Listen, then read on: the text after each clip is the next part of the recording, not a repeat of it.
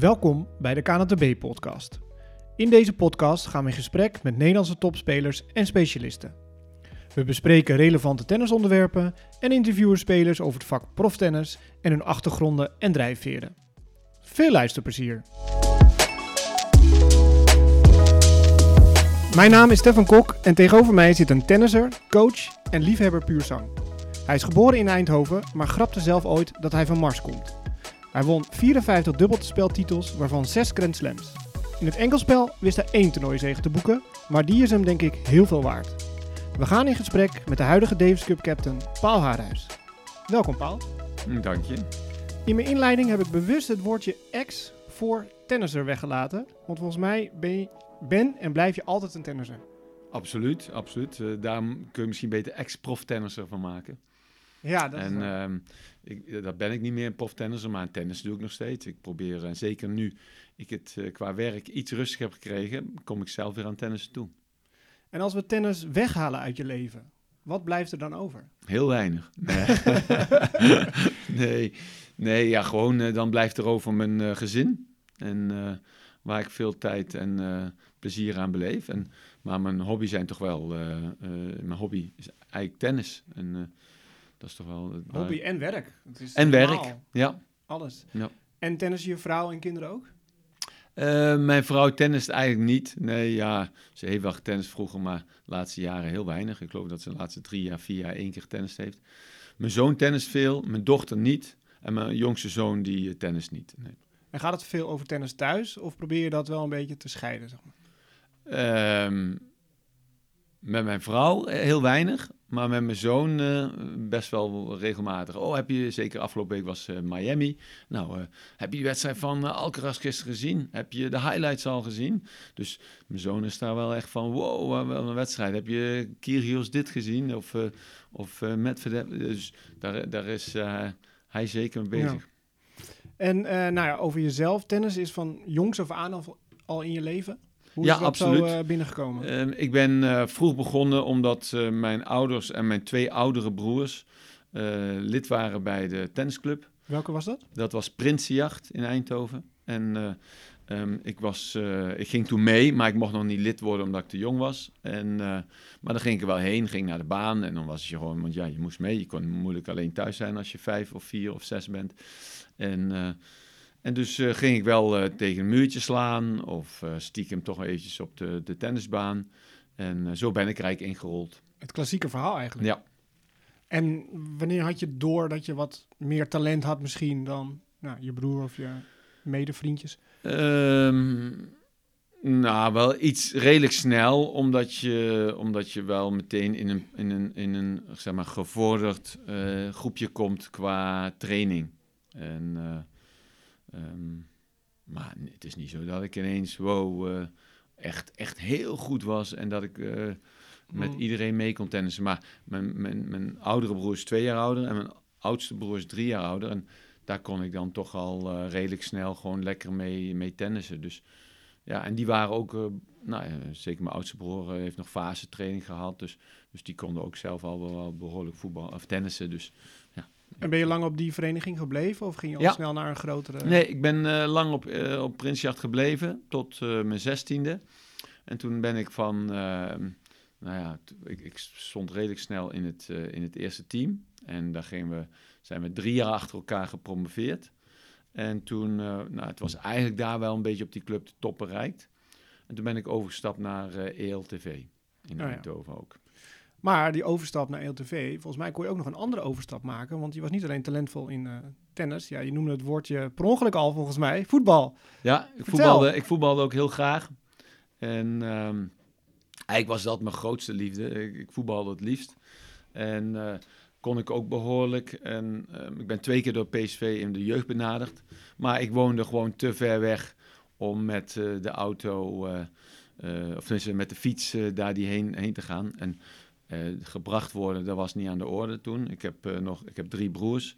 Dus, uh, um, en, en in die tijd was het ook niet zo dat je opgehaald werd van school, zoals dat nu gebeurt. Mhm. Mm -hmm. En, dus ja, dat, dat, was gewoon eigenlijk net een horde te ver. En heel jammer. Ik, ik, wilde dat heel graag. En het was ook iets wat ik ja, waar ik wel, als ik, ik heb posters van voetballers en van het Nederlands elftal en van Cruijff had ik eh, op, eh, op mijn kamer hangen. Ik geniet van tennissers. En, eh, ehm, en als ik vroeger droomde, ehm, eh, tijdens mijn tenniscarrière, droomde ik van dat ik nog profvoetballer was. En waar stond je in het veld dan? Ik was mid-mid. Oké, Ja, dus flink rennen. dus goed uithoudingsvermogen en overzicht. En, dus, en, en verdedigend en, en aanvallend meelopen. En, Oké, dus tennis, dus de keuze voor tennis is eigenlijk ingegeven omdat voetbal gewoon niet ging lukken. Qua vervoer. eigenlijk, eigenlijk gewoon een tweede keus. Heb ik geprobeerd van de tweede keus toch het maximale te gaan maken. Maar ik kan me voorstellen dat je daar geen spijt van hebt gekregen. Nee, nee, helemaal niet. Helemaal niet. Ik heb er eh, alles uit gehaald. Tenminste, wat op dat moment mogelijk was. Ja, nou ja, ik heb gelezen dat je als 17-jarige naar Amerika bent gegaan om te gaan studeren. Ja, 18 jaar. 18 jaar net. Ja.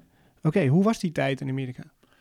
Ja, was, was, was leuk, was spannend. Het was de eerste keer dat ik in een vliegtuig stapte en eh, vloog meteen naar Amerika. En ehm, je, je, je was weg voor het eerst van huis. En in, ah, ik had eh, twee vrienden daar, op de, twee andere Nederlandse jongens die bij mij uit de buurt kwamen. Eén was ook de reden dat we die kant uit gingen, want we wilden gewoon Nederlands studeren. En die zei zo een jaartje naar Amerika gaan, wat eh, Engels leren, wat zien van Amerika. Nou, een beetje plezier hebben. Wat nu heel, heel gewoon is, eh, een tussenjaar, is des, was, had ik destijds nog nooit van gehoord. Maar, eh, nou ja, en, eh, dus ik ben met, en er was één jongen al op die universiteit, ehm, die aan die trainer weer kon zeggen hoe wij waren, wie wij waren en hoe goed wij waren. Zodat die coach kon zeggen, oké, nou is goed, dan geven ze maar een beurs, dan Mhm. kunnen ze komen. En, eh, en daar moest ik voor het eerst tennissen, maar het was fantastisch. Eh, het, het was ook heel raar, want eh, in het begin loop je op die campus en, en daar ben je niet gewend. Dat is een van de dingen die me bijgebleven is. Dat, dat, ze dan, dat iedereen gewoon hallo zegt. Iedereen begroet je. Terwijl, Mhm. terwijl je als, als, als ehm, een Nederlander, of misschien ikzelf, als ik vroeg op school rondliep, zei ik niet tegen alles en iedereen die voorbij kwam hallo. Eh, Ja. Maar daar was het gewoon standaard. Maakt niet uit wie de, of je ze kende of niet kende. Je zei, hey, hi, hey. Eh, Ja. dus, dus daar wa- wa- was ik in het verbinden een beetje verbaasd over. Ik was heel goed in Engels op de middelbare school. En toen kwam ik daar en toen was mijn Engels echt slecht. Oké. En, en nou ja, dat is dan toch het verschil tussen eh, in Nederland wat leren in de schoolbanken. Of het dagelijks alleen maar horen en, en ook de lessen volgen. En eh, nou, dat was wel even eh, aanpoten, dat je in het Engels moest gaan denken. En, eh, ja, ja, en na een jaar is die vriend van mij teruggegaan naar Nederland om in Nederland te studeren. En ik ben daar gebleven. En dat is eigenlijk de enige reden dat ik fulltime ben gaan tennissen. Omdat Ah. ik gewoon daar gebleven ben en nog beter werd in die drie volgende jaren. En, en nog steeds niet van een tenniscarrière droomde hoor, Nee? toen ik daarheen ging. Want hoe goed was je bij de jeugd dan hier in Nederland, voordat je vertrok naar Amerika? Ik was nummer. Ik, mijn beste resultaat bij de Nationale Jeugdkampioenschappen is kwartfinale onder 18. En dat kwam omdat ik in de eerste ronde van een geplaatste won. En eh, dus ik, ik was misschien nummer 12 of zo. Als ik eh, een aan moet geven, was ik nummer 12 van Nederland. Ja. Dus ik was niet slecht of zo, maar niet het materiaal waar ik zo wow, wow, wow. Dit, dit, dit Ja. is, eh dit is proftennismateriaal. En, eh, dus ik was eigenlijk op dat moment een goede B-speler, wat nu, eh, wat nu een goede eh, tweetje is. Nee, drietje. Mhm. Een goed drietje. Ehm, en na één jaar was ik een onverslaanbare drietje. Ja. En nou ja, na twee jaar was ik een, een, een hele goede twee. En, en toen dacht ik na 2,5 jaar laat ik deze zomer eens in Nederland dat uh, Nederlands satellietcircuit spelen. Dus eigenlijk wat tegenwoordig futures zijn. Maar dat is dan een circuit van vier weken. Aan, dus achter elkaar vier futures die, je achter elkaar, die bij elkaar horen en je, die je moet spelen allemaal om, om punten te halen.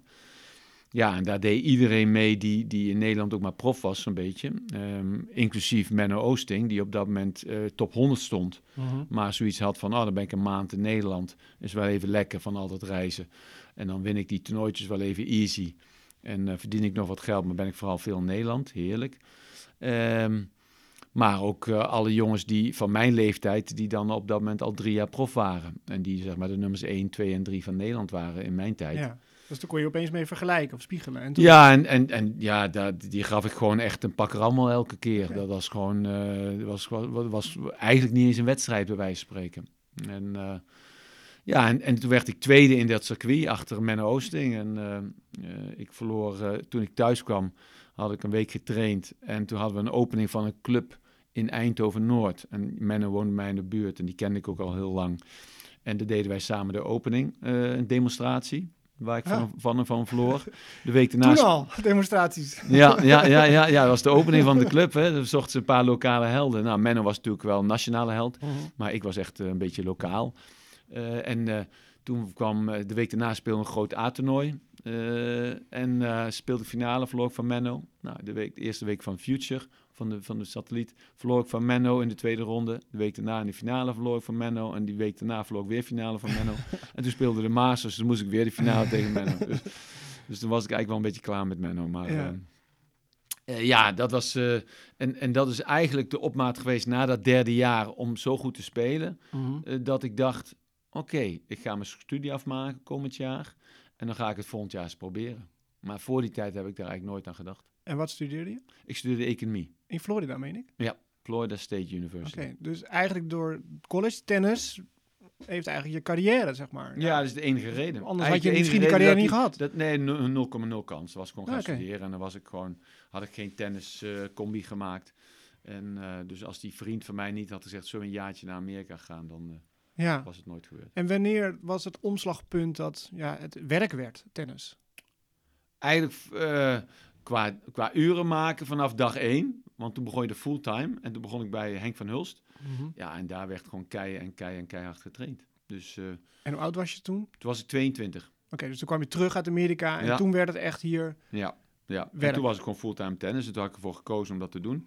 Ehm, ik denk twee, eh, 22 eh, ben je ook wel weer een stuk men- mentaal verder. Je bent volwassener om die wijde wereld in te trekken. Ik was al vier jaar op eigen benen geweest.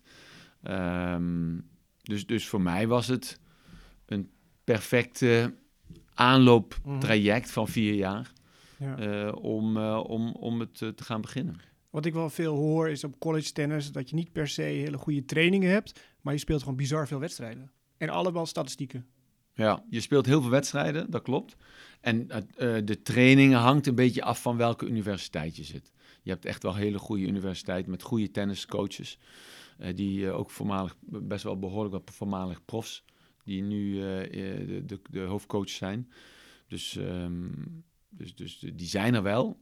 Maar ik, ik kan zeker niet voor, ieder, voor alle universiteiten spreken hoe het daar is. Dus, maar er worden gewoon veel wedstrijden gespeeld. In de herfst zijn het in eerste instantie heel veel wedstrijden onder elkaar. Om, Mhm. om een beetje de line-up te kijken. Oké, wat is de matchup? Wie speelt op 1, wie 2, 3, 4, 5, 6? En wat zijn de dubbels? Dus er spelen heel veel wedstrijden onderling. En je speelt dan daarnaast in die periode veel toernooien. Nou, eh, de grotere en goede tennisuniversiteiten, zeg maar, Mhm. ehm, waar de programma's van de tennis best goed zijn, daar eh, spelen ze toch ook nog wel best wel wat eh, futures in de herfst. Dus er is gewoon veel mogelijkheden om dat te doen. En, en vanaf januari, eind januari begint meestal het eh, seizoen. En dan speel je ongeveer eh 25, 30 wedstrijden in, eh, in een paar maanden tijd. Terwijl, Ja. de, terwijl je school ook doorgaat. Als we nog even in Amerika blijven en over wedstrijden gesproken. ehm, in 1989 won je van John McEnroe in de tweede ronde van de US Open. Dat was een grote schok voor iedereen. En eh, niemand kende je nog. En toen deed je de uitspraak op de persconferentie. Toen werd gevraagd van, ja, wie ben je? Waar kom je vandaan? Toen zei je, ik kom van Mars. Ja, Dat was Ja. lachen. Ja, nou ja, kijk, ehm, ik, ik, eh, die mensen hebben allemaal een, een briefje voor hun neus, die journalisten, Paul Haarhuis uit Eindhoven, Netherlands. En toen was de vraag, waar kom je vandaan? En ik snap wel dat hij bedoelde, waar kom jij ineens vandaan? Ja. Waar kom jij ineens vandaan? maar, ehm, dus, dus ik denk, nou, daar maak ik een grapje van. En eh, ik kom van Mars. En, eh, want je hebt daar voor je neus liggen dat ik uit Eindhoven kom. Dus als je dan Mhm. toch iets anders wil horen, dan eh, ja, toen Ja. maakte ik een- die opmerking. En ik, dat gebeurde heel spontaan en die is, die is heel lang gebleven. inderdaad. Ja, want dat zette je, kijk, die wedstrijd zette jou natuurlijk op de kaart. Want John Ja. McEnroe was... De grote Grote. held die ik alles, die, die, niet per se mijn grote held, maar wel de grote tennisheld van de jaren daarvoor die alles gewonnen had. Ja, die op elk Grand Slam had zien spelen. En toen mocht je ineens, of moest je tegen hem spelen op de US Open. Eigenlijk zijn thuishaven, New York, avondwedstrijd. Ja, en ik kwam eigenlijk net kijken. Ik was een jaar en, en twee maanden, een jaar en een maand prof. Dus ja. ik, eh, ik had nog nooit op zo'n podium gestaan. En, eh, en zeker niet tegen een top 5 speler gespeeld. En, eh, van het kaliber. En ja, dan ga je echt de wedstrijd in met... Oh, wat, wat, wat, waar, waartoe ben ik in staat? Kan ik er een wedstrijd van maken? Kan ik een setje winnen? Kan ik... Wow, wat, wat, wat, wat ga ik doen? Nou ja, en dan als je dan uiteindelijk weet te winnen... Ja, dan is dat ook een openbaring voor jouw eigen tennis-DNA. Van, oh, hier ben ik toe in staat. En, en dat was wel, eh, ik noem dat ook altijd mijn belangrijkste te- overwinning in mijn carrière.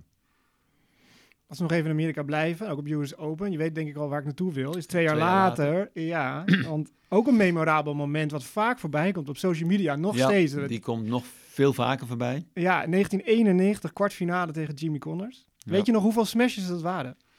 Eh, volgens mij eh, vijf. Ja, ik dacht eh, vier, maar we gaan het... misschien eh, het voelde vier. misschien vijf. Het voelde als tien. Ja, ik heb het nog een keer teruggekeken. Ja, Ja. het was... eh, De eerste was het makkelijkst, die had ik moeten maken. Maar hij komt uit die donkere, zwarte lucht. Ehm, en dan is mijn smash, was mijn smash nooit mijn sterkste punt. zo Van, maar ik zie ook dat ik, als ik dat, dus ik heb het inmiddels honderd keer of duizend keer teruggezien, want het komt elk jaar nog wel een paar keer voorbij. ja, even voor de goede orde. Het was kwartfinale US Open. Je Ja. had gewonnen van Boris Becker eerder Ja. dat toernooi. Die Ja. titelverdediger was, nummer 1 van de wereld. Dus Ja, in alle vorm, je speelt tegen ja, Jimmy Connors op zijn retour. ja, Stond buiten de top 100. ja. Maar ja, showman eerste klas. Ja, en een 6-4. jongen die, eh, die jongen die, eh, voor een een speler die natuurlijk eh, ehm, een beetje afgeschreven was, maar daar nog wel eventjes toch eh, al in de eerste vier rondes liet zien dat hij, dat hij voor iedereen eh, Ja. een, een kwelgeest was. Ja, en, zeker met het publiek achter hem ook en het publiek vond het fantastisch. En, eh, maar goed, voor, dat 6-4, 5-4. 6-4, 5-4 serveren. En toen En- die iconische en, rally. En dan, dan kom ik, kom op 30-40 en ik sla een goede service en zijn return die komt iets laag, iets korter. En ik neem hem mee langs de lijn en hij moet hem uit de loop en slaat hem recht omhoog. En misschien achteraf had ik hem moeten laten stuiteren, maar ik nam hem. En ik sla hij komt er nog weer bij. Ik sla hem niet hard genoeg, maar hij komt er nog weer net bij. En ik sla die andere hoek in. En dan komt hij ook nog weer net bij. En hij haalt ze echt allemaal bij de hoeken van het stadion weg. En, ehm, eh, maar ze komen wel elke net iets dieper. Zijn lops, waardoor mijn smash wel iets moeilijker wordt. En eh, die vierde inderdaad eh, sla ik dusdanig dat hij hem eh, ehm, eh, niet meer uit de nok van, van bij het stadion moet halen, maar dat hij hem kan slaan. En eh, slaat hem laag. En ik verleer hem eigenlijk nog heel goed. Een backhand langs de lijn op, een, op zo'n bal van hem. Dat ik dacht van wow, dat is een goede volley. En ik sluit goed aan. Ja, en hij slaat hem uit de loop geweldig erlangs. Dus ja, ik... Stadion ontploft. Het stadion plofte. zelden, nog nooit zo'n lawaai gehoord. Ja. Er zaten tien mensen voor mij te juichen. Nou, niet op dat moment, maar in dat stadion die voor mij waren. En 19.990 mensen voor Connors. En eh, dat stadion dat trilde helemaal. En eh, eh, nog nooit zoveel lawaai gehoord eh, voor die tijd en na die tijd. En die wedstrijd draait om. En die draait om. Die man die gaat gewoon nog beter spelen. En ja, dan, dan voel je het gewoon ook, ook wegglippen. En eh, ik moet zeggen, naast die wedstrijd van McEnroe is dit natuurlijk toch ook wel een ontzettend belangrijke wedstrijd geweest. Maar als ik dusdanig vroeg in mijn carrière, ik bedoel, ik was, ik was net drie, drie jaar bezig. Als je dan de halve finale van een Grand Slam weet te halen. Ja, dat, dat, dat is misschien toch nog een opmaat voor nog Mhm. Misschien had ik daarmee, nou ja, ik had dan sowieso als gewonnen had de halve finale gehaald. Maar misschien had je daarmee ook je ranking nog weer uiteindelijk beter weten te maken dan dat die nu is geweest. En dus Heeft die wedstrijd je nog lang nagedragen? Los dat we nu nog de beelden zien, en, eh, maar in je carrière actief Nou, carrière? nee, nee, dat niet. Dat niet. Alleen de vraag is altijd, wat was er gebeurd als je die wedstrijd had gewonnen? Want tegen Courier heb ik, die, die, die, die, die natuurlijk gewoon eh, een veel betere carrière heeft gehad dan ik. Maar als ik de tegen heb gespeeld, heb ik altijd een hele pittige pot met hem gehad. Dus, dus ik heb wel altijd het gevoel gehad dat ik kansen heb gehad tegen die jongens. Ja, En ehm, ja. Dus het missen van die halve finale is misschien pijnlijker dan de- deze beelden steeds zien. Dat je het niet... ja, Hè? Ja, nee, ja, kijk, die beelden zien eh, geeft mij ook wel aan de ene kant een bepaalde voldoening, want het komt vaak nog terug als het, als het mooiste punt uit de historie van de US Open. Mhm. Nou, daar zijn miljarden punten gespeeld, dus ja, toch wel wel leuk dat, dat, dat je daar Ja. onderdeel van bent. Ja. Ehm, alleen ja, die wedstrijd verliezen, dat heeft wel, heeft, heeft wel eh, pijn gedaan. Maar goed, half jaar later in Philadelphia in, in, eh, in 92, februari 92, speel ik weer tegen hem.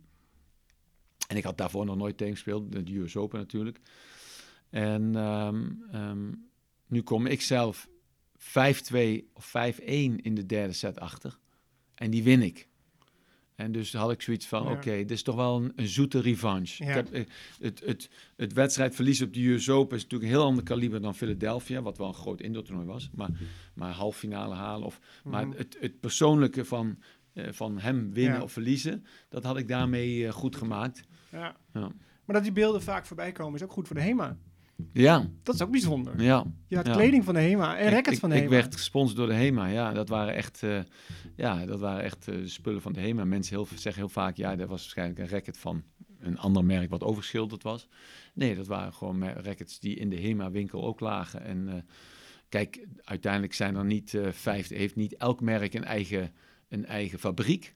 Mhm. Maar eh, is er in Taiwan ook gewoon een fabriek die de rackets voor Dunlop maakt en voor ProCanix en voor, Mhm. voor Wilson. En, nou ja, en daar heeft HEMA is daar ook heen gegaan met een delegatie en gezegd van luister, we willen een paar rackets laten maken. Nou, en die van ons moeten zwart met eh, dit en dit model Mhm. en zo'n groot blad. En, nou ja, en daar ging ik mee spelen. En thuis ook alles, de vergiet, eh, alles, de kopjes, alles was van HEMA. Nee, nee, nee, maar ik schrapte wel altijd dat ik, de- dat ik altijd gratis, eh, dat ik een kaart had waarmee ik gratis rookworst kon Oh ja. halen en, en de, en de slagroomtaart. Wat natuurlijk wel eh, lekker was. Die rookworst even langskomen, lopen bij de, bij de uitgangsstansen altijd. Was heerlijk. Ehm, nou ja, het gaat heel vaak natuurlijk over dubbelspel. Maar ik wil nog even inzoomen over je enkelspelcarrière. Want die lijkt wel die misschien een beetje ondersneeuwt. Maar je hebt gewoon top 20 van de wereld gehaald. Ehm, er zijn slechts zeven Nederlanders geweest die in de top 20 hebben gestaan. Kan je ze zo opnoemen? Eh, ik denk het wel, ja. Ehm Ik help je als je er niet uit. Dan begin je natuurlijk met Okker. Okker, Richard, Krajcek. Krajcek, ja, Krajcek, Schalke, Siemerink, eh Jacco, Verkerk, nou, en ik. En jij. Dat zijn ze zeven. Nou ja, dat is natuurlijk ook wel heel bijzonder. Ja. Ja, nee, luister. Kijk, ehm, ik werd altijd als een dubbelspecialist gezien. Maar ik weet wel dat als ik niet had gedubbeld, alleen had gesingeld, dan had mensen gezegd, oh, hij heeft een hele mooie carrière gehad. Alleen omdat ik in dubbel Grand Mhm. Slams won, wat ik in de single niet deed, was ik echt een dubbelspecialist. Terwijl Jacco en ik nooit op die dubbel hebben geoefend. Spe- specifiek echt, dat we echt alleen maar bezig waren met de dubbel. We waren gewoon altijd bezig met de single. En de dubbel was een geweldige oefening. En daar waren we toevallig heel goed in. En, eh, en we namen het ook wel heel serieus in die zin. Mhm. Maar we hebben echt nooit dat we, nou ja, eh, de hoogheid voor de WK dubbel wisten we, oké, we- de seizoen zit erop, we hebben alleen nog maar de WK dubbel. Dus laten we deze week vooral eh, de, de dubbelpunten en de returns, de service, service volley oefenen. Ja, En, en, en en de rest van het jaar deden we dat eigenlijk niet. ja. Nou, even om aan te vullen. We hebben nog drie vrouwen in de top 20 gehad. Eh, Betty Steuven, Kiki Bertens en uh, Brenda Schultz. Ja, Die stonden allemaal top 10 zelfs. ja, Ehm, je hebt één titel gewonnen in Jakarta. ja. ehm, van totaal acht finales. Ja. Waaronder Indian Wells, het grote Ja. toernooi. Dus het, maar die titel in Jakarta, die zal veel waarde hebben gehad dat je toch een titel hebt gewonnen. Ja, in ja, op dat moment wel. ja. Eh, nu, nu is het natuurlijk allemaal lang geleden. En, maar op dat moment was het wel echt zo'n soort van Opluchting? ja, opluchting. De monkeys from my back. Ja. Weet je, oh, dat gezeik van, ook zeker het gezeik van Richard, Jacco en Jan. Hè, dat waren mijn tennismaten in die tijd. En eh, die allemaal wel al een titel hadden gewonnen. Maar niet per se, eh, Richard dan wel, maar niet per se het qua single eh, dusdanig beter deden of, of hoger stonden op dat moment ehm, dan ik. Maar wel die titel hadden, of meerdere titels. Ehm, en, eh, ehm, dus dat was wel eh, vooral heel, Ja, heel fijn. Ja. Gewoon hè hè. ja. En ehm, ja, dus, dus, maar goed. eh, ja, maar ook om je carrière, zeg maar. Ik bedoel, Raymond Sluiter bijvoorbeeld. Je carrière, mooie carrière gehad, maar geen titel op het hoogste niveau gewonnen. Wel challenger, maar dan, dat mist dan toch misschien ergens. ja, Kers op de taart. Ja, de, ik, ja, misschien wel, misschien wel. Maar ehm, ja, dan wil ik mijn single carrière niet vergelijken met die van Raymond. Mhm. Nee, het was zomaar een... Want, want nee, maar ik, ik, ik heb ook tien jaar eh, top 100 gestaan. Ja, En, en, en, de, en zeven, waarvan bijna zeven jaar top 50. Dus, ehm, Ja. dan, dan, en dus is die titel achteraf... ehm, ja, vooral opluchting. Want ik heb, kijk, als ik nooit de finale had gehaald, maar ik heb zeven finales gehaald, waarvan dus inderdaad een Master Series. Mhm. Nou, eh er zijn er maar, geloof ik, maar eh, ja, eh, in die tijd, mm, ik denk dat er maar drie zijn die dat gedaan hebben. Ja. En Richard heeft Master Series gewonnen. Ik denk, Mhm. ik, ik denk Tom ook, maar dat weet ik niet zeker. Misschien finale gehaald. Eh, eh, als, als dat al is. Ja. En ik, Ja. weet je. En, dus dat is toch wel... eh, en zeker als je kijkt, gewoon destijds al... Mon, uh, Indië Wells was echt een groot toernooi. Ehm, en ik won ook van drie top 10 spelers om daar te komen. Ja. Alleen die, die, die kleine klote Michael Michael Chang. Daar heb ik toch best wel een aantal finales van verloren. Ja. Ik heb eh, volgens mij in Boston van hem verloren. Ik heb in, eh, in, volgens mij in, in Philadelphia een finale van hem verloren. En ik heb in, in New Wales van hem verloren. En ik verloor ook van jongens die goed waren. Hè. Ik bedoel, eh, ik verloor van Todd Martin in Memphis. Ik verloor van eh Edberg in, in, in Doha. Het waren, maar ik heb ook één finale, de eerste in Singapore, van Simon Yule. Nou, dat was een, een, in die zin een droomloting. Alleen, die, die kerel had blijkbaar een spel wat, wat, wat, wat, wat ik niet lekker speel vond. Want ik heb daarna nog een keer tegen gespeeld. In Scheveningen Challenge. En daar verloor ik ook weer van hem. Hm. Dus, Ja. Dus, eh, maar dat was wel de finale waar ik zeg... Oké, die had je eigenlijk ook wel moeten winnen. De- aan je stand verplicht, zeg Ja. maar. Grappig, je lepelt het allemaal zo op. Is dat tennissers eigen dat die alles nog weten? Of is het Nou ja, ja, ja het, is, het, is, het is meer dat je dat... Nou ja, dat zijn wel de momenten wat je zegt. hè, Weet je, eh, een, een ATP winnen eh, zijn wel de momenten die... die en en, en, en, en die, die Singapore was redelijk in het begin van mijn carrière. Dus, dus dat, dat, dat, dat was wel meteen een, eh, een geweldig moment geweest. Ja. En dat heeft wel een tijdje geduurd voordat ik van dat moment af was. Dat ik, shit, hè, Ja. gelukkig, ik heb het toch gewonnen eentje. Ja. Nou, ik kon het niet allemaal zo oplepelen, dus ik heb flink moeten googlen voor Ja. sommige dingen. Maar als ik Paul Haardas google, dan krijg ik altijd Jacco Elting erbij. Ja. Die hits. Ja. Wat betekent Jacco Elting voor jou? Nou ja, Jacco is, eh, is, is echt een, eh, een, een, altijd een, een, een tennismaat, maar ook een gewoon buiten, buiten gewoon, gewoon een maat geweest van mij. Eh, we konden het altijd goed eh, met elkaar opschieten. Ehm, ontzettend prettige eh, en eerlijke samenwerking gehad. Die, ehm, nou, die, die, die zoveel verder gaat dan gewoon een, een, een, gewoon een vriendschap. Omdat je zo lang, zoveel weken, zo intens met elkaar, zoveel jaren met elkaar optrekt. Ehm, ja, dat, dat je gewoon echt van ochtends vroeg, van het ontbijt tot 's avonds het avondeten, continu bij elkaar bent. En ja, dat, dat, dan, dan weet je ontzettend veel van elkaar. Dan, dan, eh, ja, dan, dan ken je elkaar door en koor. En dat, dat, is, dat is ook gewoon naast het tennis, dat je van elkaar aan kan, is dat buiten tennis ook heel prettig. Dat je dat, dat weet wat je aan elkaar hebt. Ja, want hij is je tennispartner, maar hij was ook je zakenpartner. Ja, Hij is nu je baas. ja, Hij is helemaal verweven in ja, ja. je leven. Ja, ja, ja. dus eh, ja, we, we hebben natuurlijk we zijn begonnen bij toen Jacco tenniste voor de, voor de, zat voor het TTI. Dat was eh, een van de tennisinternaten in Nederland. Eh, dat was het enige eigenlijk, volgens mij. En daar zat hij, van- is hij vanaf zijn dertiende heen gegaan. En ehm, toen zat hij dus eh, in Eindhoven. en, en toen is hij daarna op zijn achttiende, na de middelbare school, is hij fulltime gaan tennissen bij Henk van Hulst. Mhm. En op dat moment was ik, ik ben vier jaar ouder, was ik net klaar met mijn studie. Ben ik ook fulltime gaan tennissen bij Henk. En vandaar dat we elkaar eh, eigenlijk eh, daar leerden kennen. Ik leerde me eigenlijk kennen in het jaar daarvoor. Toen ik terugkwam en het Nederlands satelliet ging spelen. Toen speelde hij dat ook. En toen speelde ik ook dat A-toernooi in Willep, wat een beetje bij hem in de buurt is. En, dat, en toen kwam ik erin dat ik zei, oh en wie is die jongen daar? Dat Mhm. ik eh, dacht van, oh, had een flinke krullenbol. En eh, lekkere slagen, Adidas racket, dat Adidas Lendl racket Mhm. lekkere slagen. En dat ik dacht, oké. Eh, nou ja, toen eigenlijk bij, bij Henk natuurlijk veel met elkaar getraind. Toen eh, begonnen we fulltime. Toen zeiden we op een gegeven moment, laten we, hey, eh, zullen we dat toernooi daar spelen in eh, Nigeria en dubbelen? Nou, dat was de eerste keer dat we samen gingen dubbelen. Toen haalden we finale in de Challenger. En, ja, en, en toen, twee jaar later, nog een keer ergens in, in, in Guarujá in, in Brazilië nog een ATP-toernooi gespeeld en gewonnen. En, eh, ehm, en toen wisten we eigenlijk wel van, oh, wij, wij, wij hebben niet zo vaak gespeeld, maar wij, wij, Klikt. wij, wij, Ja. wij, wij- ja, wij Match. vullen elkaar wel goed Ja. aan als, in, het, in, het, in het dubbel. En vanaf het moment dat hij eh, fulltime nou ja, op dezelfde plek eigenlijk kwam qua single als dat ik. Toen zeiden we, weet je, eh, laten we de krachten bundelen. Laten we samen in, in zee gaan met Alex Reinders als onze coach. En, eh, en samen dubbelen. En dan dus ook veelal hetzelfde schema kunnen afwerken.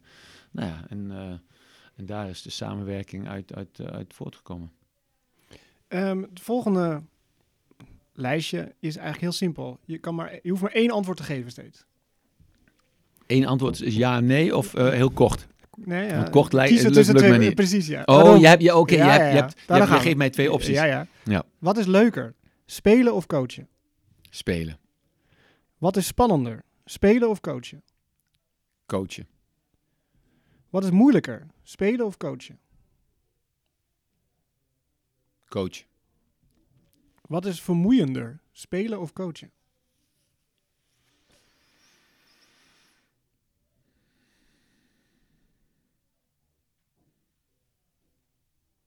Um, het is verschillend vermoeiend. Het is allebei vermoeiend, maar verschillend. Okay, van tennis, van tennis, oké. Okay. Komen we straks op terug. Ja. Wat geeft meer voldoening, spelen of coachen? Spelen. Wat is intenser, spelen of coachen?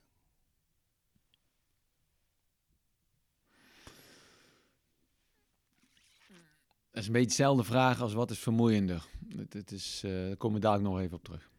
Waar ben je beter in? Spelen of coachen?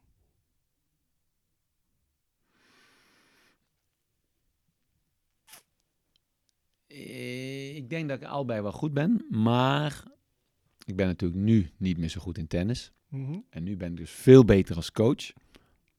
Maar ik denk dat ik vroeger, en zeker als je Grand Slams en nummer 1 van de wereld kunt zijn in de dubbel en top 20 in de single, dat ik iets beter nog in de, in tennis was zelf spelen. spelen. Oké. Waarom is coachen zo vermoeiend? Coachen is vermoeiend omdat je A, uh, meer... Uh, nou ja, laat ik even vermoeiend qua fysiek uh, hebben over... Um, je, je bent echt, je moet op alle details letten. En, en, zeker als coach van het Davis Cup team heb je met een heel team te maken.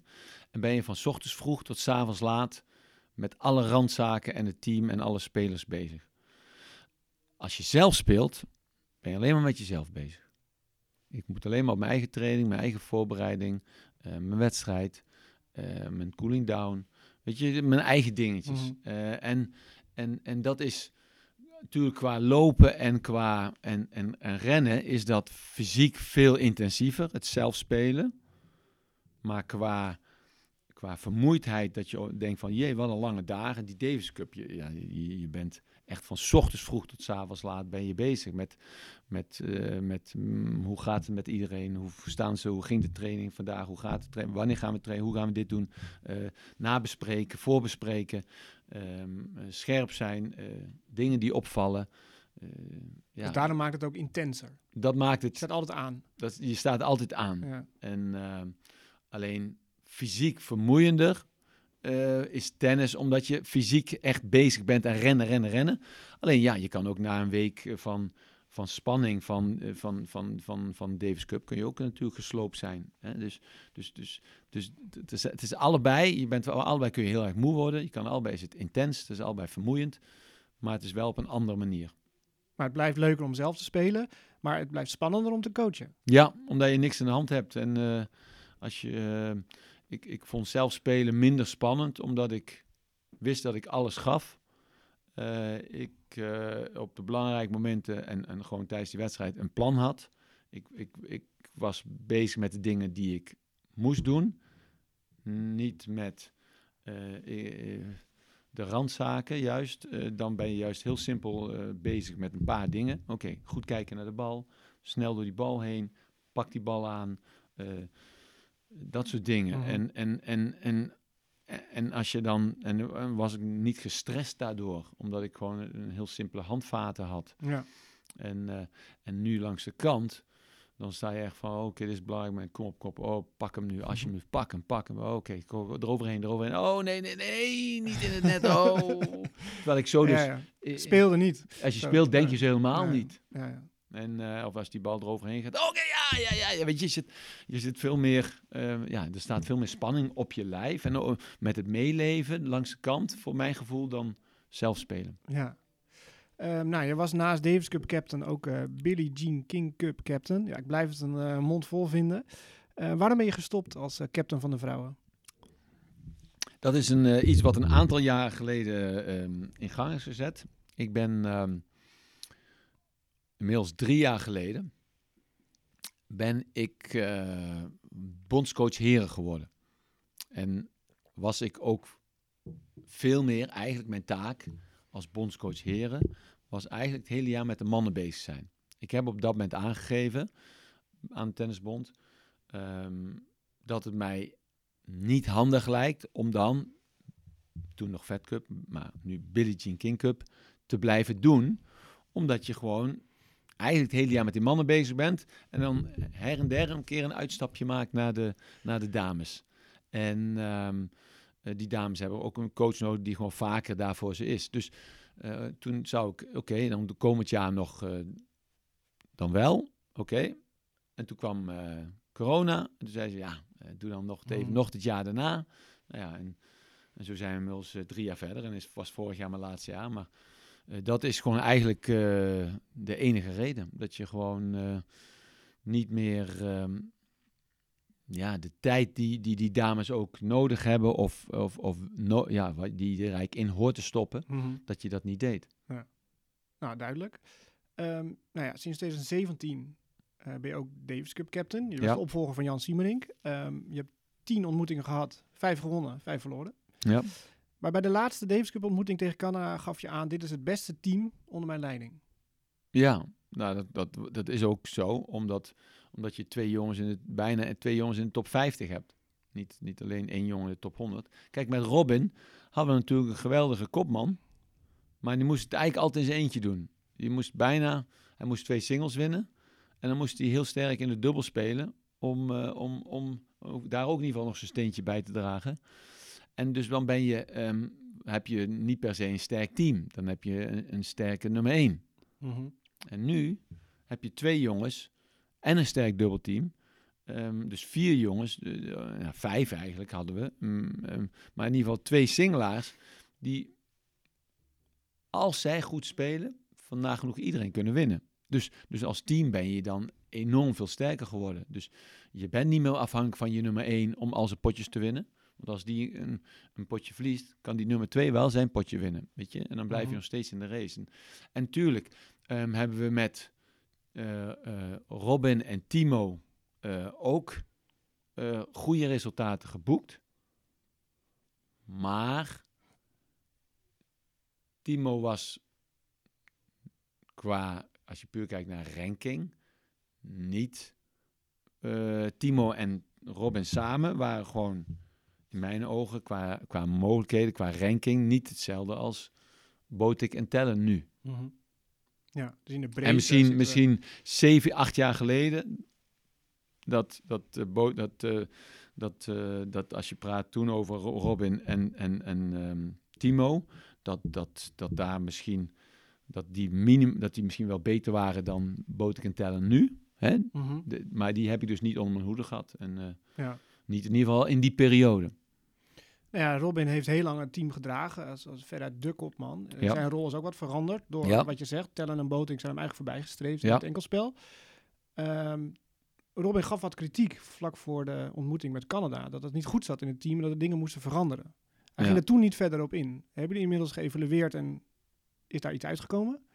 Er is over geëvalueerd. En uh, kijk, ik, ik was niet blij met uh, dat, dat. Kijk, je mag van alles vinden. Hè, daar, daar heeft iedereen zijn recht op. En, uh, en je mag alles aankaarten. Alleen ik vond eh, het, het, het niet prettig om dat een dag voor de wedstrijd te doen. Kijk, en hij zei, ja, sommige dingen zijn al twintig jaar hetzelfde, tien jaar. Of, Ja. ik weet niet hoe het noemen. Dus, dus het is niet iets... Ja, en ik wist niet precies waar hij het over had. Ja, eh, tien jaar lang. Ja, ik, ik was er zes jaar geleden niet bij. Dus, Mhm. uh, maar de, ik vond vooral de timing verkeerd. Weet je, uh, oké, okay, uh, ik snap dat je nu ermee zit. Maar kom naar mij toe. Dan hebben we het erover. En, en geef het even een plekje. En, dan, en, en alleen de dag voor de wedstrijd is dat Ja. niet handig. Want Nee. Ehm, eh, dan gaat iedereen in het team van, oké, wat is er aan de hand? Wat, wat, wat, wat, oké, je, je, je, je, je laat wel iets vallen, maar je zegt eigenlijk niks. Mhm. Nou, daar is over geëvalueerd. En eh, eh, nou, daar komen dan dingen naar voren die, eh, die, die hij vindt dat anders kunnen of beter kunnen. Of, en, en, en, maar ja, zo, draag, zo dus doen we altijd na de wedstrijd. We hebben nog een paar uur gezeten op eh, zaterdagavond. Hebben we altijd een evaluatie. En dan krijgt iedereen de kans om verbeterpunten te noemen. Ehm, we hebben het over alles wat er in die week gebeurt. Of wat we ehm, qua voorbereiding of eh, al is het, eh, oké, wat vond je van het hotel? Hoe vond je de kamers? Wat vond je van het buffet? Weet je, alles wordt, komt er, passeert de revue om het volgende keer, om, om het eigenlijk nog beter te maken. Maar als hij zegt dat het is al tien jaar of twintig jaar, dan is er iets structureels. Dus wat Ja. in zijn ogen zou moeten worden. Gaat dat gebeuren? Wat was het? Nou. Schrok je ervan? Nee, ik, nee, ik, ik was, ik was, ik was, nee, maar kijk, hij was, eh, hij was gewoon op dat moment natuurlijk ook een beetje emotioneel eh, dat hij ehm, niet ging singelen en dubbelen. En dan, dan, dan, dan komt dat bij hem gewoon net iets harder binnen dan bij misschien iemand anders. En, en de manier waarop hij dat dan laat merken, dat hij, dat hij daar ook een beetje van baalt, is dan ook dingetjes eh, zeggen. Nou ja, en dus, dus, dus het is ook, ook veel vanuit emotie op dat moment geroepen. En, eh, en het zijn allemaal geen schokkende dingen, dus het is helemaal niet zo dat ik nou ineens denk, goh, de volgende keer, ja, eh, wat, Mhm. wat Robin allemaal geroepen heeft, dat wordt, wordt, nu wordt het helemaal anders. Oké, maar wel streep eronder. We gaan neus vooruit. We kunnen Ja, gewoon weer ja, verder natuurlijk. Want Nederland won met 4-0 Ja. van Canada. En eh, nou, Oranje plaatst zich voor de finals later in het jaar. Maar het bizarre ja, is voorgevallen. Eh, Canada is er ook bij, terwijl ze van ons zeg maar een pak slaag hebben gekregen. Ehm, ja, raar verhaal natuurlijk. Ja, en Rusland mag niet meedoen. Eh, dus er is een vrije plek gekomen. Servië schuift door als halve finalist van de vorige finals. Maar Servië had een wildcard in handen. Dus die wildcard kwam vrij. ja, En die krijgt Canada nu. ja. Hoe kijk je daarnaar? Nou ja, aan de ene kant eh, terecht, want die zijn het hoogste land dat er niet in is. Ehm andere kant natuurlijk raar, want ze hebben een kans gekregen om zich te kwalificeren en het is niet gelukt. Maar goed, de beslissing dat Rusland er niet mee mag doen, volgt, eh, die sanctie volgde vooral na de Davis Cup. Eh, en en dus, dus, dus ja, daarna moest ze een keuze maken, wie krijgt hem dan? En nou ja, dit is, in dit geval eh, is, is, snap ik wel dat Canada als de hoogst geplaatste team dat niet, die- dat niet erbij was, dat die dan de, die, die keuze krijgen. Ik hoop overigens dat we weer bij Canada in de pool terechtkomen. Dus, eh, Ja, want ik denk niet dat eh, die jongens in, eh, in, in, in september wel gaan spelen. Maar goed, dat is even mijn gevoel. Ja. Ehm, nou ja, de loting is op dit moment als we het opnemen, het is nu eh, begin april, is nog niet geweest. Ik weet niet wanneer je dit luistert, maar later in april, als het goed is, komt de 26 loting. april, als maar het die is al is. een aantal keer verschoven, Ja. dus dat weten we nog niet. Maar eh, we zouden inderdaad Canada kunnen treffen, want Nederland is eh, in pot 4 ingedeeld. Dat is zeg maar de, ja, met de zwakkere broeders in pot 4. Dus wij zitten met Zweden, Australië en Zuid-Korea. Dus die landen kunnen we niet treffen. En Canada zit in pot 2. Terwijl we daar dus dik van gewonnen hebben. Ja, maar dat- ja, dat is gewoon ranking. Dus ik bedoel, eh, ehm, ja, je, je hebt gewoon een, een wereldranglijst. Nederland, eh, die staan, kwalificeren zich door in hun pool eerst te worden. Portugal, die, die moet een play-off spelen en kwalificeert zich daarmee. Dus die hebben het in principe slechter gedaan in de kwalificatie. Maar ze zitten wel in een pool hoger bij het voetbal. Ja, oké, voetbal. Ja, ik dacht, ik Ja. zat op tennis te kijken. maar Nee, jij nee, nee. Ja, ja, dus, precies. dus dat gebeurt bij voetbal ook. Ze hebben gewoon gekeken naar de ranking, eh, de wereldranking van die landen. Nou ja, en, en, en in dit geval staat Canada boven. Kijk, het zou natuurlijk leuk zijn geweest voor een land dat niet de kans heeft gehad om zich te kwalificeren, dat die een wildcard krijgt. Maar ehm, ja, zij hebben daarvoor besloten. En nou ja, ik, ik, ik kan me daarin vinden. Dus, eh, en nu maar hopen dat we inderdaad weer tegen spelen. maar het, op zich is het vreemd dat er wildcards worden uitgedeeld aan landen, vind je niet? Ehm, ja, ja en nee. Ehm, er zijn veel belangen. En, ehm, eh, in tennis een wildcard, dat, is, dat, dat hoort bij tennis. Bij elke week is er nog wildcard voor to- Mhm. bij toernooien. Dus het is voor een tennisser niet raar dat er wildcards zijn. Ehm, dus, dus, dus voor een, ja, in het tennisleven is, is, is, is dat eigenlijk elke week gebeurt dat. Ja, nou ja, voor de, voor de volledigheid, Groot-Brittannië heeft een wildcard. En eh, nou, in dit geval Canada die hem overnam van eh, Servië. Ehm 14 tot 18 september wordt er gespeeld. Er zijn vier speelsteden. Ja. Hamburg, Glasgow, Bologna en Malaga. Ja. Wat heeft jouw voorkeur? Hamburg. Want? Dichtbij? Ja, ik moet eigenlijk eh, die, die, die zaterdag en zondag daarvoor in Berlijn zijn. ah, dat is handig. Maar zou dat dan, want kijk, Hamburg in september, nou, ik zie regen voor me, dus dat zal indoor zijn. Glasgow lijkt me Nee, het ook. moet dus- allemaal indoor zijn. Dus Malaga is ook indoor. Het moet allemaal indoor hardcourt zijn. Het moet allemaal op een baan, dezelfde baan en dezelfde omstandigheden als waar ze in eh, november de finale gaan spelen. Ja, en dat is nog niet bekend waar die finales. De- Officieel nog niet, maar geruchten? De, de geruchten zijn al heel lang dat het Abu Dhabi is. Maar Ja. zolang dat officieel nog niet ehm, nou ja, bekend is gemaakt, zo- ja, Ja. is, is in ieder geval niet officieel. In pot 1 voor de loting zit Kroatië, Spanje, Frankrijk, Verenigde Staten. Wie willen we daar eh, hebben? Kroatië. Dan pot 2 met Duitsland, Canada, Italië en Groot-Brittannië, zei al, dat wil eh, Canada zijn. Ja. Pot 3, Kazachstan, België, Servië of Argentinië.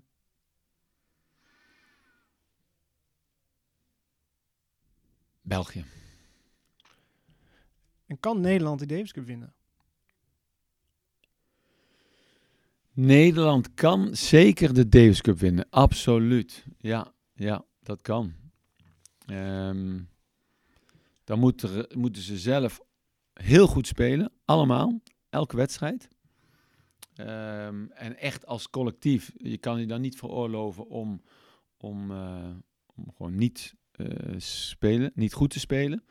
En je tegenstander, in sommige gevallen, moet niet hun beste tennis spelen. Maar kijk, zowel Tellen als Botek hebben al laten zien dat ze van top 10 spelers kunnen winnen. Ehm, dus als zij goed spelen, weten ze dat zij van bijna iedereen kunnen winnen. Nou, dat, dus, eh, dus ja, het is mogelijk. En we hebben een goed team in de dubbel. Ehm, maar dat zeggen we natuurlijk al lang. En de laatste jaren hebben we daarin niet zoveel potten gewonnen. Eh, de afgelopen vier eh, jaar wel, de twee laatste twee. Maar het waren niet tegen echt eh, aansprekende dubbellanden. Maar ja, in principe kunnen wij gewoon zeker die, die titel pakken. Ja, want de laatste keer dat Nederland bij de finals was, dat was in Madrid 2019.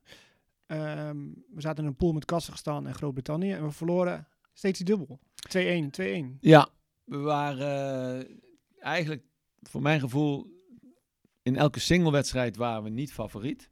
En in de dubbelwedstrijd wel, maar we verloren wel die dubbel. En eh, nou ja, dus, dus er waren absoluut kansen. En eh, ja, het waren allemaal spannende wedstrijden. Maar goed, ook die, die dubbelaars, Groot-Brittannië, dat weten we, daar hebben we goede dubbelaars. Dus, dus dat was ook niet zo raar dat we dat verliezen. Maar ehm, dat we, dat we ehm, toch elke keer dan die belangrijke dubbel eh, verliezen, ja, dat is jammer. En dat moeten we gewoon zorgen dat dat komend jaar, dat is echt cruciaal.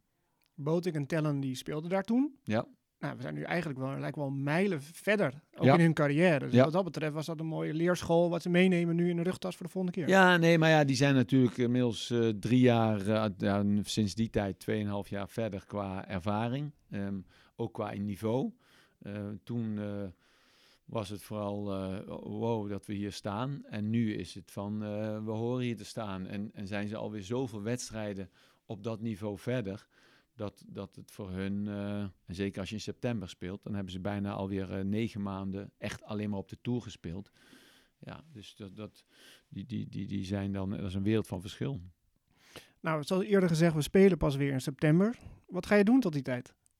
Ehm, toch eh, natuurlijk contact onderhouden. Ik ga komend weekend naar eh, Monte Carlo. Daar eh, spelen al die jongens. Ehm, het hele Davis Cup team wat laatst, waar, waarmee we laatst wonnen van Canada is daar aanwezig. Robin speelt ook een dubbel. Eh, misschien hoopt misschien nog in de quali te komen, maar dat wordt wel heel moeilijk. Maar misschien dat hij nog insneakt. Uh, Tel en Botik in, de, in de single hoofdtoernooi. En, en Wesley en Matt die spelen daar. en Jules die, die spelen in de dubbel. Dus ehm, ja, het hele team. En dan ga ik daar, ben ik daar een dag of vier, vijf. Om eh, vooral met eh, gesprekken te voeren, ze even, uh, allemaal te zien. met de coaches te praten, gewoon even te zitten. Nou, dan, en op die manier natuurlijk gedurende het jaar, weet je, spelen ze, dan stuur ik even een bericht, hey, hoe gaat die? Ge- mooie wedstrijd gisteren of gefeliciteerd. Ehm, nou, en op die manier, en dan praat je even met de coaches, hoe is het? Even een update. En, en nou, dan zal ik hetzelfde doen, waarschijnlijk een week in Roland Garros, waar ze ook allemaal zijn.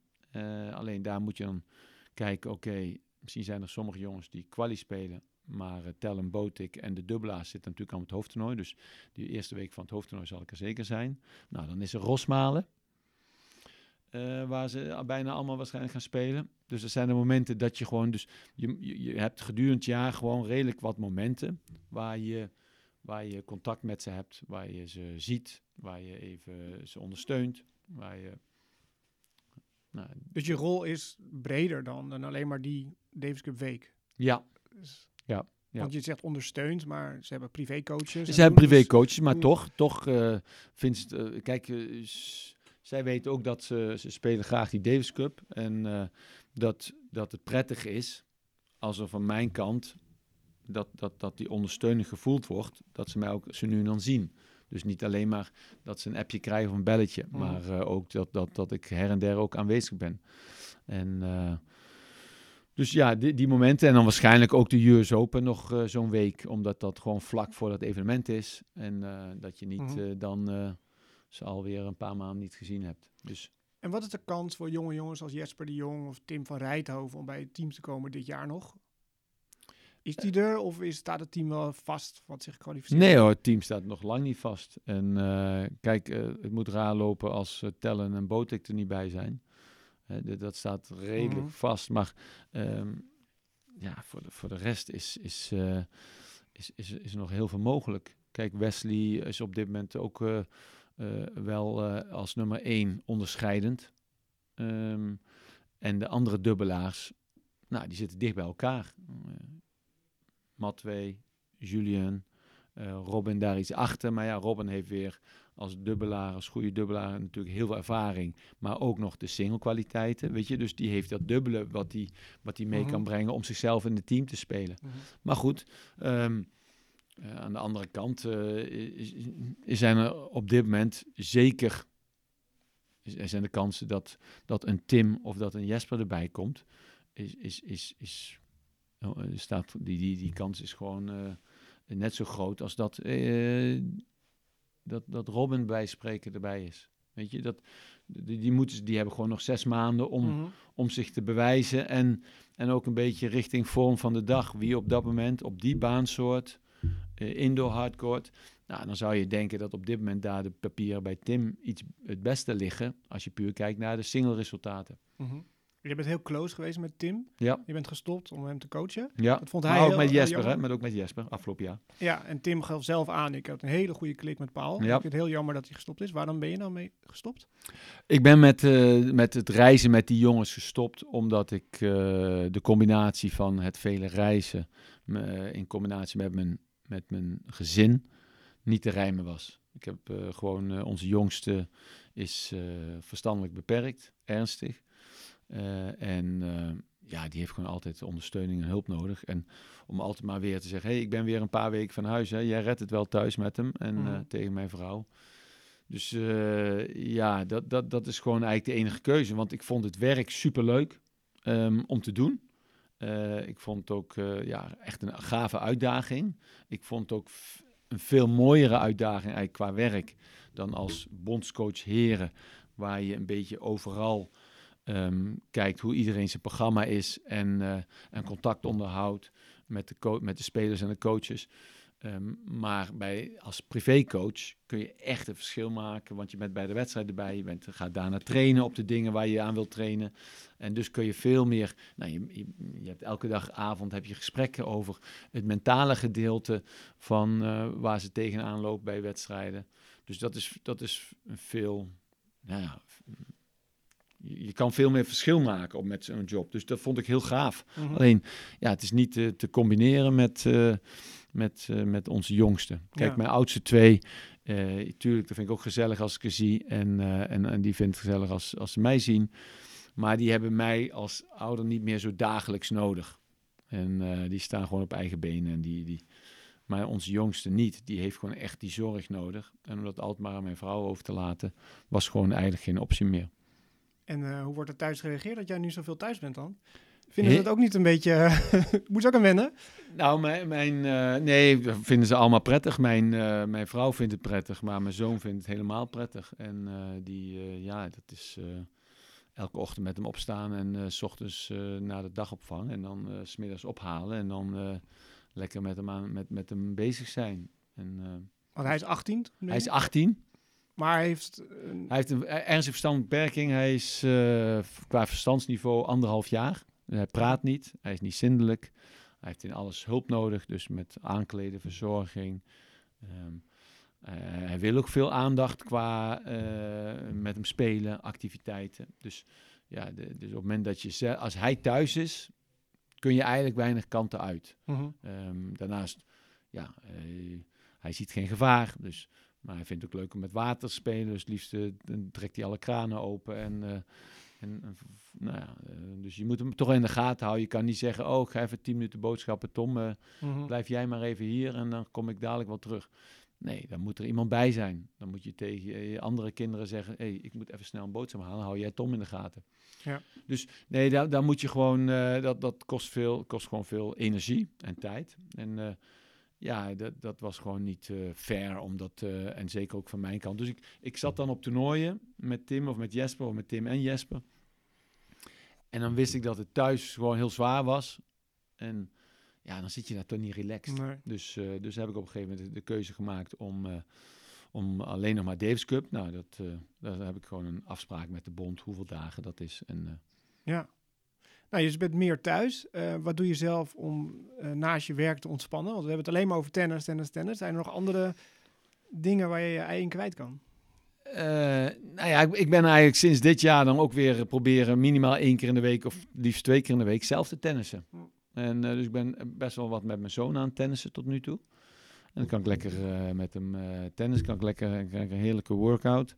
En, um, nou ja, en, en, en voor de rest Ehm, begint uh, het uh, buitenleven. En ik, uh, ik, ik heb voor het eerst de, de, tuinman er, eruit gedaan. en, Kijk. dus dat doe ik nu zelf. Dus ja. vanochtend vroeg kwamen, ja, ik, ik, ik, er was nog gedeelte van de tuin wat ik nog niet helemaal, wat ik nog, wat nog even wilde veranderen. Dus er kwamen twintig coniferen. Die, die moet ik uh, morgen erin zetten. Um, er kwamen uh, 100 uh, plantjes van siergrassen en nog, ander, nog 50 van andere. Nou, die ga ik allemaal even erin zetten. Groene vingers? Had ik niet, maar ik vind het wel leuk en ik ben er wel mee bezig. Dus, uh, en als je er tijd voor hebt, nou ja.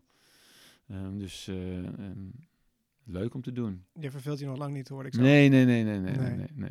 Nou, dankjewel voor je tijd hier. Heel veel succes met nou, de planten, met je zoon en met de tennis. Ja, dank je. En we gaan natuurlijk allemaal kijken in september naar het Nederlandse Davis Cup team. Ja, ik hoop het. Ja, ja, ja het zou... Uh... Ik hoop vooral op uh, een mooie strijd op een leuke plek. En ik hoop vooral dat het nog een beetje dichtbij is. En daarom ook Hamburg. Want dan kunnen er veel Nederlanders heen. En zeker die, die Groningse studenten. Dat is allemaal niet zo'n ver rijden voor ze. Heel slim. Dankjewel.